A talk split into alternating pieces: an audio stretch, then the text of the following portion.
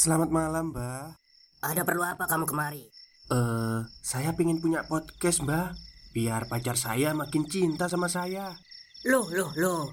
Mau bikin podcast kok tanya dukun? Sekarang kamu download aplikasi Anchor.fm. Di situ kamu bisa buat podcast gratis dan podcast kamu bisa didistribusikan ke platform mana pun. Dan di aplikasi atau website Anchor.fm juga terdapat fitur-fitur yang memudahkan kamu untuk membuat podcast. Oh, gitu ya, Mbak.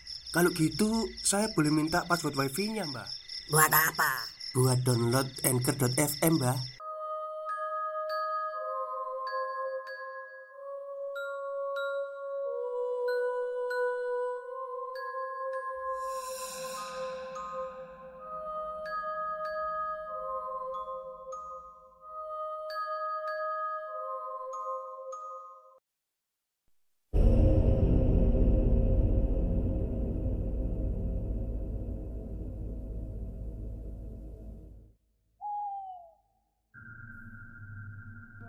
Assalamualaikum warahmatullahi wabarakatuh. Halo semuanya. Jumpa lagi dengan saya Chow Sing Sing Kurator dari podcast Horror Night Story. Halo apa kabar semuanya? Semoga kalian semua sehat-sehat ya. Dan di siang hari ini Selamat berakhir pekan. Besok sudah libur. Bagi yang mau liburan silahkan ya. Liburan yang deket-deket aja lah ya sama rumah gitu ngopi kayak apa gitu ya. Jadi pada siang hari ini saya akan melanjutkan kisah dari yang kemarin dari website luar negeri yang sudah saya terjemahkan yaitu uh, misteri sesuatu yang ada di bawah tanah, maksudnya basement rumah kontrakan ya. Jadi ini adalah bagian terakhir yang sudah saya rekam Seharusnya kemarin ya udah saya upload cuman karena laptopnya bermasalah lagi. Jadi ya hari ini baru bisa upload. Oke daripada kita berlama-lama Mari kita simak ceritanya. Bagi yang belum uh, mendengarkan bagian pertama Nanti saya sertakan link deskriptifnya ya. Maksudnya link di komentar gitu Biar kalian lihat yang bagian pertama dulu sebelum bagian kedua ini. Oke, selamat mendengarkan.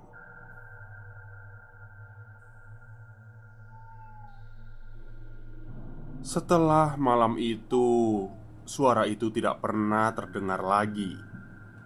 Akan tetapi, kejadian aneh muncul di bagian lain dari rumah. Di kisaran waktu yang sama, Joy sering berada di rumah pada siang hari.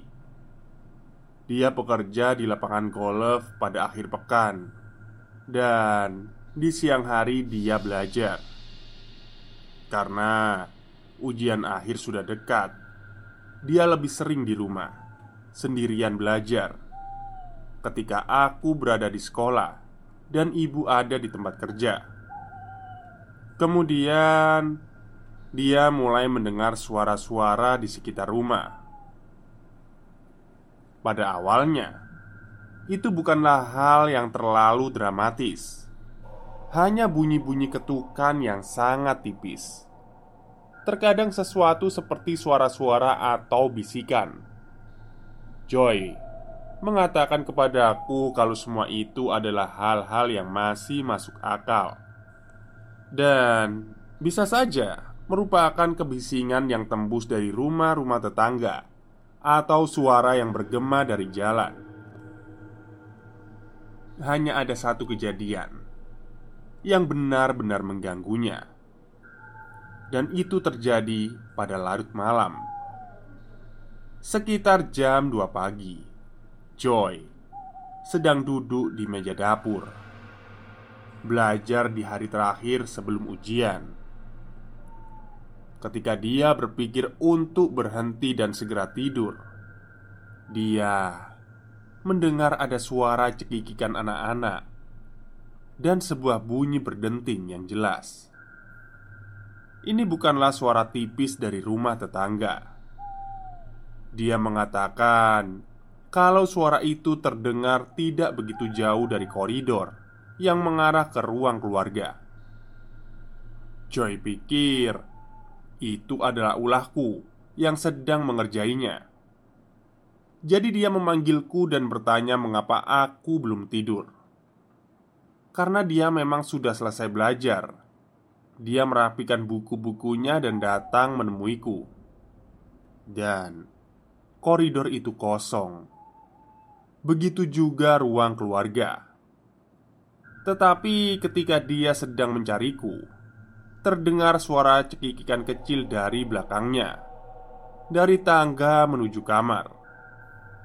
Joy mengatakan kepadaku kalau saat itu dia tidak merasa takut, hanya kebingungan bagaimana aku bisa melewatinya tanpa dia sadari. Dia mulai merasa takut ketika melewati dapur dan menuju tangga. Namun, tidak ada siapa pun di sana karena dia memang berencana untuk tidur. Jadi, dia melanjutkan ke atas dan melihat kalau pintu kamarku tertutup. Secara perlahan, dia membukanya, dan dia melihatku di sana sedang tidur lelap. Joy bisa melihatku dengan jelas karena ada cahaya dari lorong di belakangnya, dan aku tidak seperti sedang berpura-pura tidur. Kemudian, ketika dia berpikir untuk mengecek apakah aku benar-benar tidur, dia mendengar bunyi ketukan kecil dari dalam lemari pakaian tua di kamarku. Karena terkejut, Joy memasuki kamarku dan langsung menuju lemari itu. Ketika tangannya hampir menyentuh pintu lemari, dia mendengar suara dari belakang. "Apa yang kamu lakukan?" Joy hampir berteriak kaget dan langsung berbalik. Di sana dia melihat ibu mengenakan daun Rambut tebalnya kusut karena baru bangun. Pada saat itu, Joy tidak tahu kalau kami semua telah mengalami kejadian-kejadian aneh. Jadi, dia membuat alasan mengatakan kalau dia mendengar sesuatu, entah itu tikus, burung, atau apalah. Jadi, dia ingin memeriksanya. Waktu itu, dia tidak tahu tetapi ketika ibu mendengar itu, ibu langsung merinding karena suara-suara itu sangat mirip dengan suara-suara yang ibu dengar dari atap. Namun, meski begitu, ibu tidak mengatakan apa pun. Kalau bukan karena ibu yang mulai penasaran dengan sejarah dari rumah ini, aku tidak tahu Sampai kapan kami akan tetap diam mengenai kejadian-kejadian aneh yang kami alami? Ibu mencoba untuk berbicara dengan orang-orang asing ketika sedang berbelanja atau dalam perjalanan, terutama pada orang yang sudah tua. Ibu yakin kalau memang ada sesuatu yang pernah terjadi di rumah itu sebelumnya, dia harus menemukan tetangga yang suka bergosip dan dia benar. Pada satu hari, ibu sedang membeli buku Agatha Christie. Dia bercerita dengan tukang koran tua yang menjual buku itu, menanyakan kalau sudah berapa lama dia tinggal di lingkungan ini. Setelah kedekatan terjalin, ibu bertanya, apakah dia tahu tentang sejarah dari rumah berwarna krim yang terletak di sisi bukit. Wajahnya langsung mengerut, dan dia menggelengkan kepalanya dengan serius sambil mengeluarkan bunyi dari mulutnya.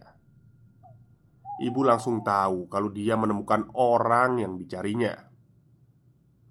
Orang tua itu menjelaskan sekitar 10 tahun yang lalu ada sebuah kultus hippie pengguna obat-obatan yang bermarkas di rumah itu.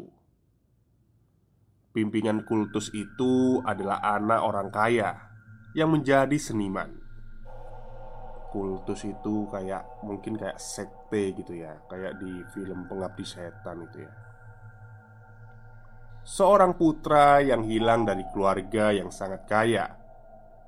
Dia cukup karismatik dan mendapatkan sekelompok kecil pengikut yang tinggal dengannya di rumah itu. Pada awalnya, hal terburuk yang mereka lakukan hanyalah membuat keributan dan tetangga yang kesal melaporkannya ke polisi. Ada juga desas-desus yang mengatakan kalau mereka menggunakan rumah itu untuk pesta seks dan obat-obatan, di mana sang pimpinan mengklaim kalau yang dilakukannya adalah semacam ritual untuk untuk penyadaran spiritual. Ya, bukan hal yang baru. Namun, setelah beberapa bulan, keadaannya semakin buruk. Bukan lagi karena musik dan tawa, tetapi tetangga menelpon polisi karena mereka mendengar suara jeritan dan tangisan. Kabar yang beredar mengatakan kalau pemimpin kultus itu telah menjadi obsesif. Dia mengkonsumsi LSD dengan jumlah yang banyak dan membuat karya suci di bawah petunjuk dari dewa-dewa kuno. LSD itu mungkin kayak pil koplo gitu ya atau ya sejenis narkoba. Oke lanjut. Bahkan ada kabar yang mengatakan kalau ada beberapa calon anggota yang dihukum karena dianggap melakukan penistaan. Entah apa pun maksud dari itu semua, ada juga beberapa dari mereka yang dikunci di dalam lemari selama beberapa hari Aku harap itu bukanlah lemari tua kokoh yang ada di kamarku. Tapi ternyata itu memang lemariku. Seperti yang pernah kukatakan, meskipun ibu tidak menganut satu agama secara spesifik, dia sangat percaya dengan akhirat. Dan meskipun ibu tidak tahu kalau mereka itu hantu, iblis, atau apalah itu, Ibu yakin kalau makhluk yang tak kasat mata tersebut bisa mempengaruhi kehidupan orang normal. Cerita-cerita yang dikatakan oleh tukang koran itu cukup membuat ibuku khawatir. Jadi, ibu memutuskan kalau ada sesuatu yang harus dilakukannya. Pertama-tama, dia mengumpulkan aku dan Joy dalam satu ruangan dan menanyakan apakah kami mengalami kejadian aneh. Pada awalnya kami ragu untuk bercerita. Kami merasa malu. Tapi ketika dia bercerita tentang suara-suara di genteng dan pada jendela Aku langsung merinding. Aku menceritakan kalau pintu yang mengarah ke ruangan bawah tanah itu terbuka Dan mendeskripsikan karya seni pada dindingnya Ibu mengangguk dan menceritakan pada kami tentang seniman gila yang membuat rumah ini sebagai tempat pemujaan untuk kepercayaannya yang aneh. Semua cerita itu membuat Joy ikut bicara, dan dia menceritakan kisahnya. Meskipun terdengar aneh, tetapi setelah menceritakan semuanya, kami merasa lega. Itu seperti pengalaman bonding dengan keluarga. Itu merupakan hal yang mempersatukan kami kami pun memikirkan solusi. Langkah pertama yang kami sepakati adalah kami harus mengecat pintu dan menutup gambar mata yang mengganggu itu. Mungkin itu merupakan tindakan yang agresif untuk makhluk apa pun yang sedang berbagi rumah dengan kami. Tetapi pada saat itu kami tidak menyadari kalau itu akan menyinggung mereka.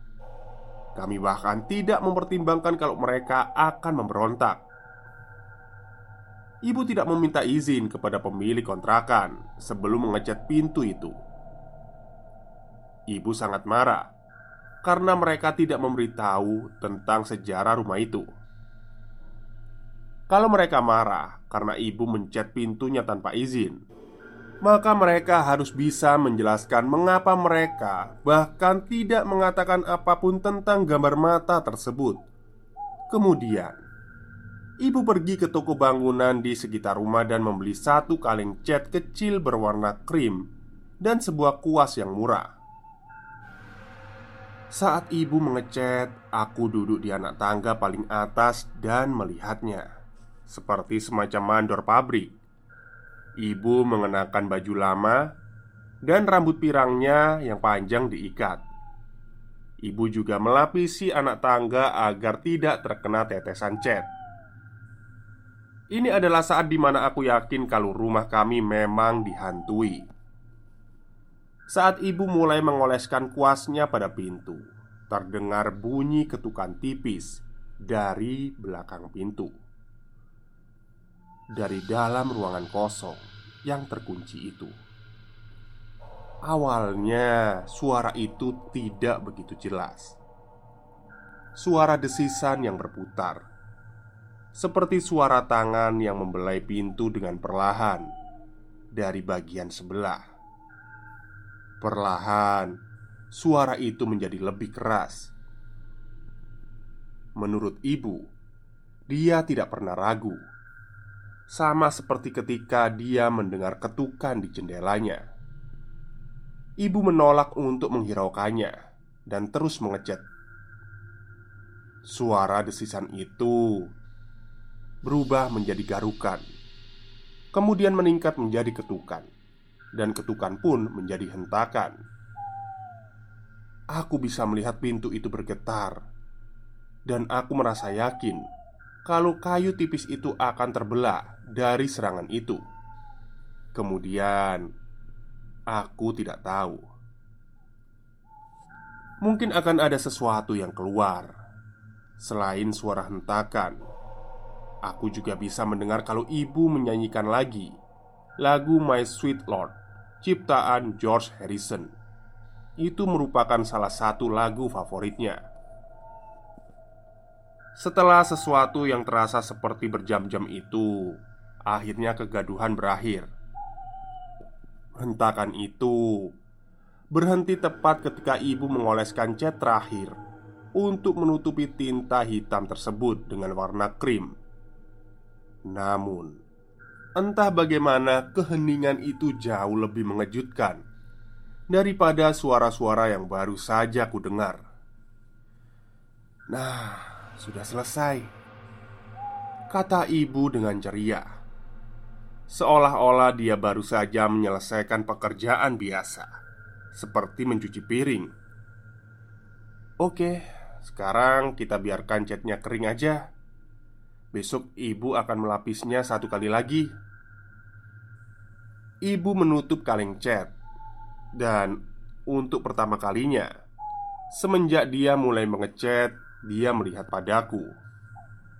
Senyuman pada wajahnya adalah sesuatu yang dipaksakan. Aku bisa melihat matanya lelah. Hal itu benar-benar menguras tenaga ibu. Namun Aku merasa Kalau aku harus ikut berpura-pura. Mau teh? Tanyaku sambil menirukan suara riangnya yang palsu.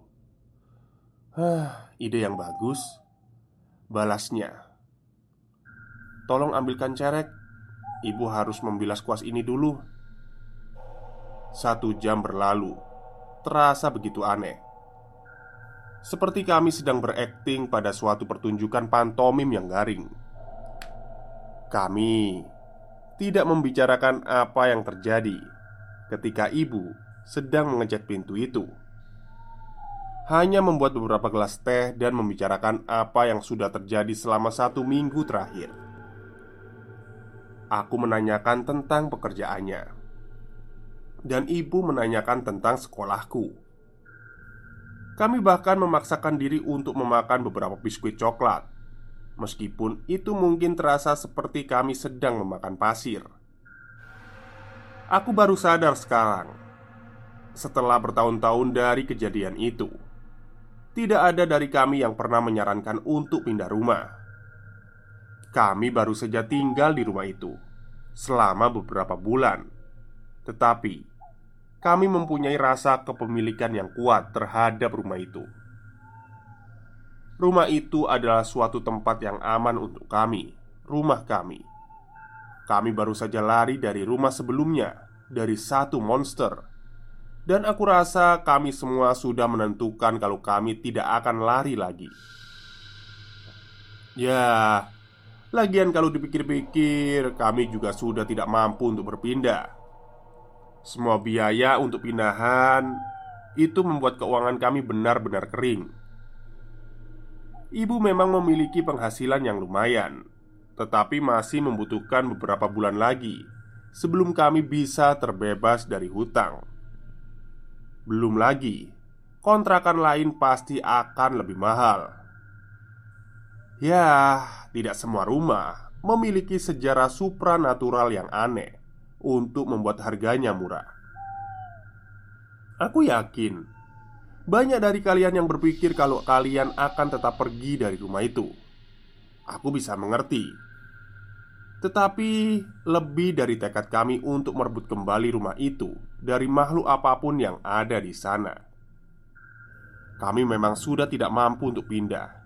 Bahkan jika kami mau sekalipun, kami hanya memiliki dua pilihan: bertahan atau jadi gelandangan kami memilih untuk bertahan. Kami menikmati beberapa hari yang tenang dan damai, tetapi ketika kami berpikir kalau solusi sederhana yang kami lakukan itu berhasil, aku diserang.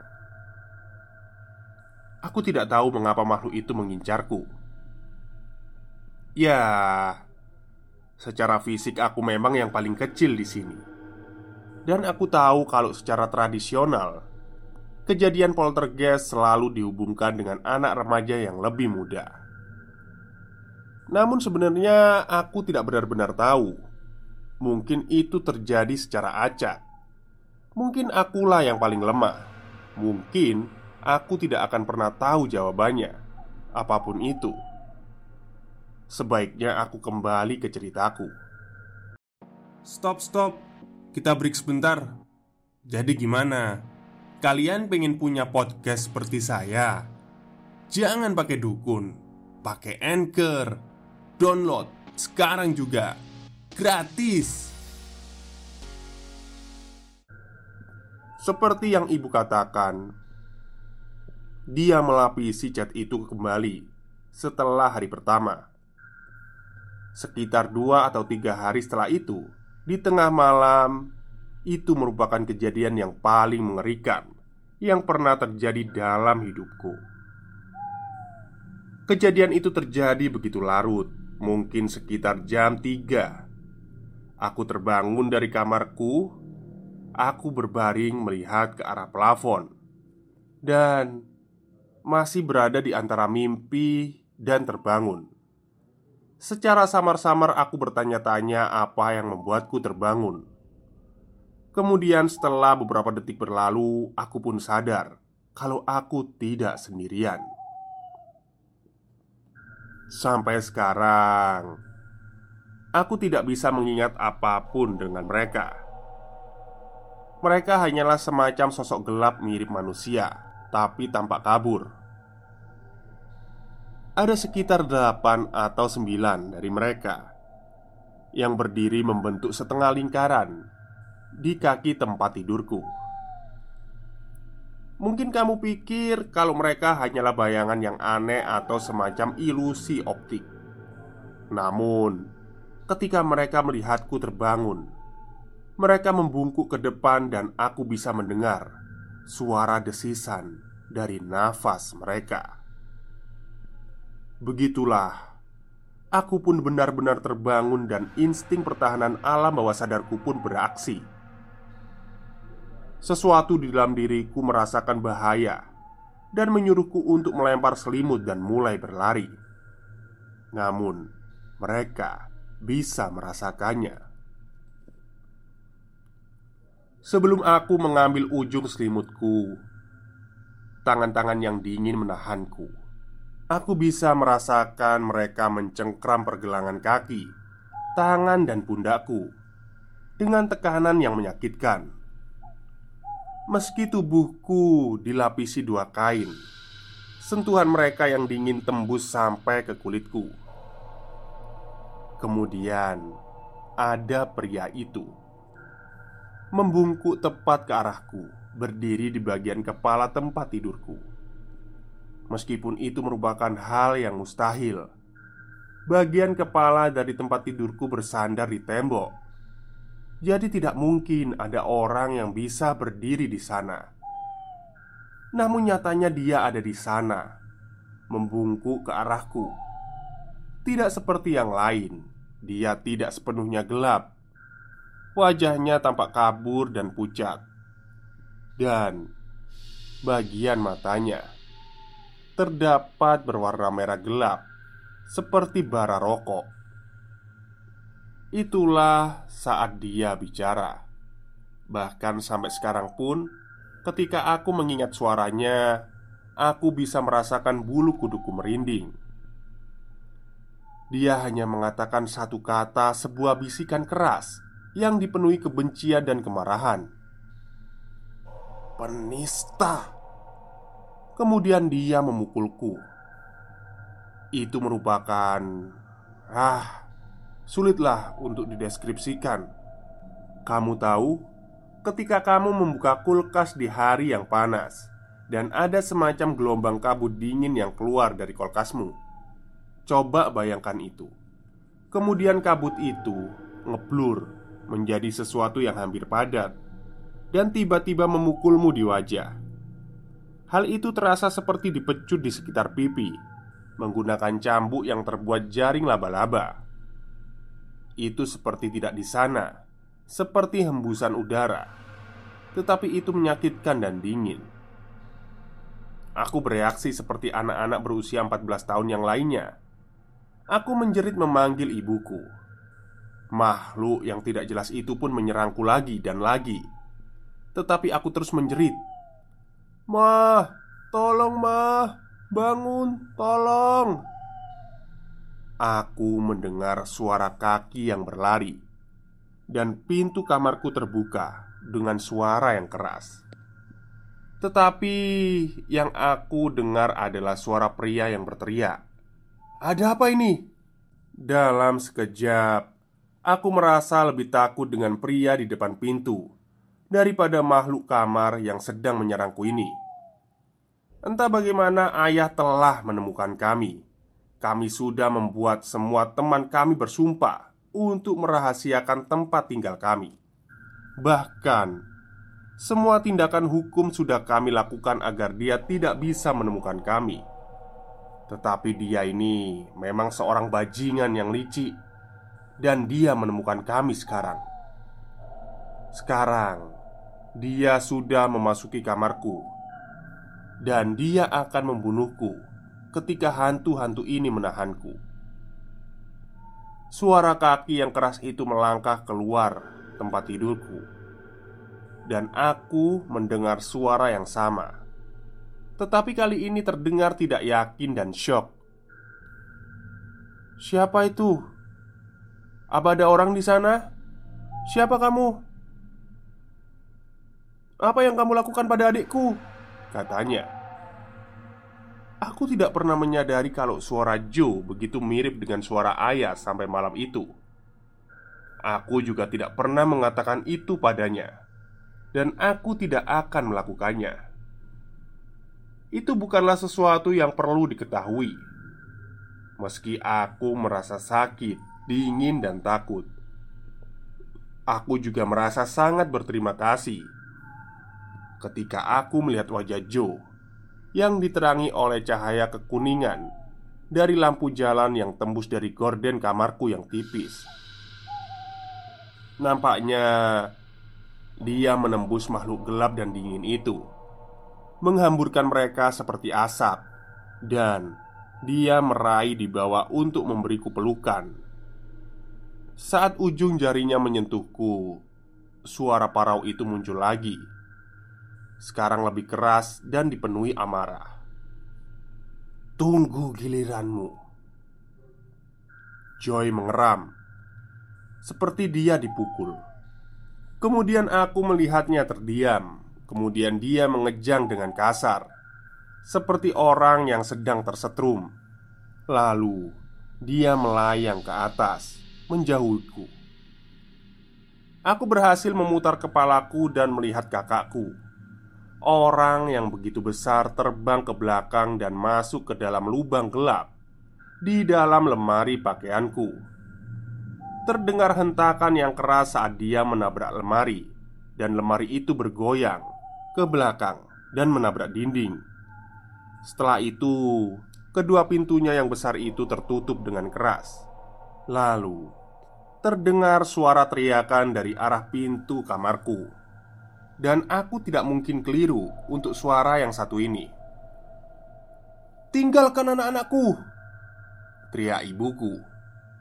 "Pergi, pergi dari sini! Tinggalkan tempat ini! Dalam nama Yesus, Maria, dan Ganesha, dan Allah, dan bahkan dalam nama Horus." Aku memerintahkanmu untuk meninggalkan keluarga ini dalam damai sekarang. Suara reptil di atas kepala tempat tidurku pun mendesis seperti air pada kuali yang panas. Suara itu memberat menjadi sesuatu yang lebih gelap dan lebih besar, tapi juga lebih jahat. Tapi kemudian menghilang. Mereka semua menghilang tidak ada lagi tekanan yang menahanku, dan sosok-sosok yang berkumpul di sekitarku pun lenyap. Aku langsung berlari dari tempat tidurku menuju pelukan ibuku. Menangis dalam pelukannya seperti anak berusia empat tahun. Ibu memelukku dengan erat dan mengusap kepalaku. Kemudian dia memanggil Joy yang keluar dari dalam lemari pakaianku. Dia terlihat pucat dan gemetar. Fajar pun tiba, dan kami bertiga berkumpul di dapur, berbicara dengan suara kecil sambil memegang secangkir teh yang panas untuk mencari kenyamanan. Kami telah menghabiskan beberapa jam berdiskusi tentang apa yang harus kami lakukan berikutnya. Untuk pertama kalinya, kami membicarakan kemungkinan untuk pindah. Tetapi kami semua menolak gagasan itu. Tentu saja, kami semua ketakutan, tetapi kami juga bangga dan sudah bertekad. Bahkan dalam kondisi ketakutan pun, kami tahu betul kalau kami pindah sekarang, itu akan benar-benar menghancurkan keuangan kami. Pada akhirnya, kami memutuskan untuk melakukan pembersihan atau pengusiran setan sekali lagi. Tetapi kali ini kami mendapatkan bantuan dan melakukannya dengan benar. Pada siang itu, kami memiliki kumpulan yang sangat aneh di ruang tamu. Ada seorang pastor Kristen dari gereja alternatif yang aneh di sisi kota, seorang pendeta pagan yang ibu kenal ketika dia masih kuliah dulu. Seorang wanita berambut putih bersetelan jas sempurna yang aku tidak pernah tahu apa yang dilakukannya, dan beberapa orang lainnya. Mereka semua berkumpul di lorong di atas tangga dan melakukan ritual mereka masing-masing. Sedangkan aku, Joy, dan ibu berdiri di anak tangga bawah dan melakukan ritual kami sendiri. Urusanmu di sini sudah selesai. Ibu berkata dengan tegas pada pintu yang tertutup. Mata Horus itu telah muncul kembali, hitam, jelas dan sempurna. Tidak ada tanda kalau mata itu pernah dicat. Sekarang, ini adalah tempat kami Lanjut ibu Kau harus pindah Jika kau tidak bisa atau tidak ingin pindah Maka tinggallah di ruangan ini Tapi wilayah lain di rumah ini dilarang untukmu Ketika aku dan Joy Menaruh satu tangan kami di pundak ibu Dia mengecat mata itu dengan cepat tidak ada lagi hentakan marah dari sisi lain pintu ini.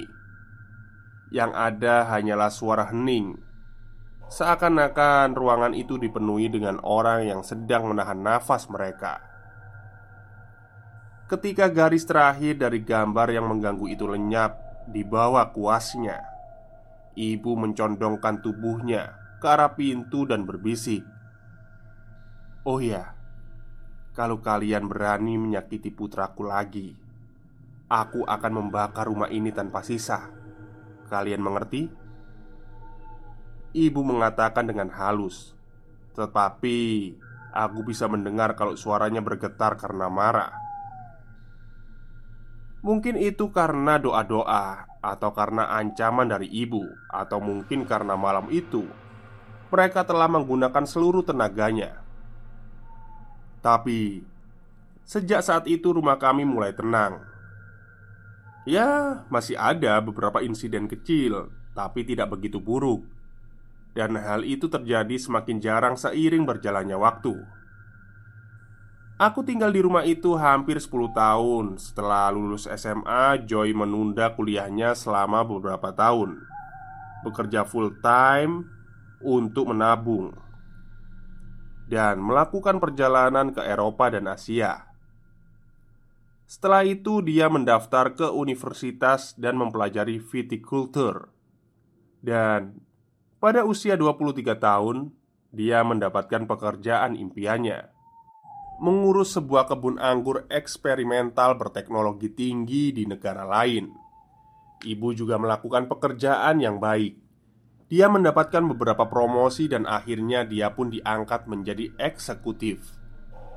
Hal itu membuat ibu harus bekerja di kantor utama, jadi ibu pun pindah. Aku mengambil sewa, aku mengambil kamarnya dan menyewakan dua kamar lainnya kepada temanku di universitas itu merupakan rumah yang damai. Selain dari beberapa pesta kecil yang kami lakukan, akhirnya aku pun pindah dari rumah itu untuk menikahi tunanganku, dan sekarang sudah menjadi suamiku selama kurang lebih 10 tahun. Dia tidak pernah menyukai rumah itu dan mengatakan kalau rumah itu terasa aneh. Bahkan ketika dia masih tinggal di sana bersamaku, dia bertanya apakah aku pernah mendengar suara-suara aneh. Dan langsung bertanya apakah aku percaya kalau mungkin rumah itu berhantu. Aku mengatakan kepadanya kalau rumah itu memang pernah berhantu Tetapi ibuku telah mengusir mereka. Tentu saja Suamiku ingin mengetahui ceritanya. Namun aku mengatakan kalau kita harus pindah dulu sebelum aku menceritakannya karena aku tidak ingin suamiku ketakutan.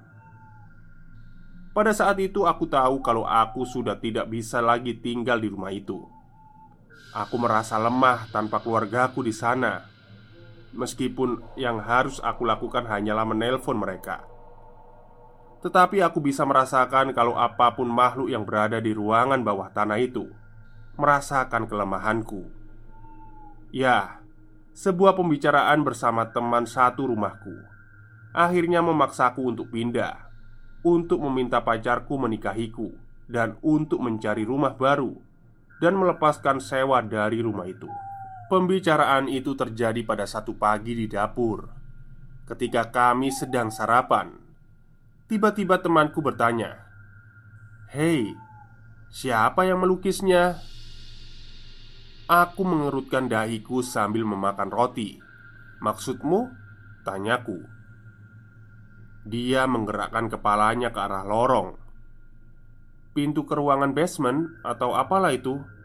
Sepertinya ada seseorang yang menggambar mata di pintu itu. Tamat. Oke. Akhir yang sempurna ya. Jadi uh, kelihatannya setannya sudah mulai memberontak lagi ya Jadi matanya itu sudah terlukis kembali. Ya mungkin karena memang ibunya sudah pindah Terus kakaknya Joy sudah nggak di situ lagi Jadi kayak dia sendirian di situ. Dan mungkin karena kekuatannya ini terletak pada ibunya ya. Jadi si hantu-hantu ini merasa Ah nggak ada ibunya gitu. Pengen gangguin lagi Mungkin kayak gitu Oke mungkin itu saja cerita pada siang hari ini Dan akhirnya selesai juga Cerita dari uh, Creepypasta atau uh, website luar yang saya ambil. Semoga kalian suka sama ceritanya Meskipun ya agak-agak bingung ya mungkin ya. Baik mungkin itu saja untuk siang hari ini. Kurang lebihnya saya mohon maaf. Wassalamualaikum warahmatullahi wabarakatuh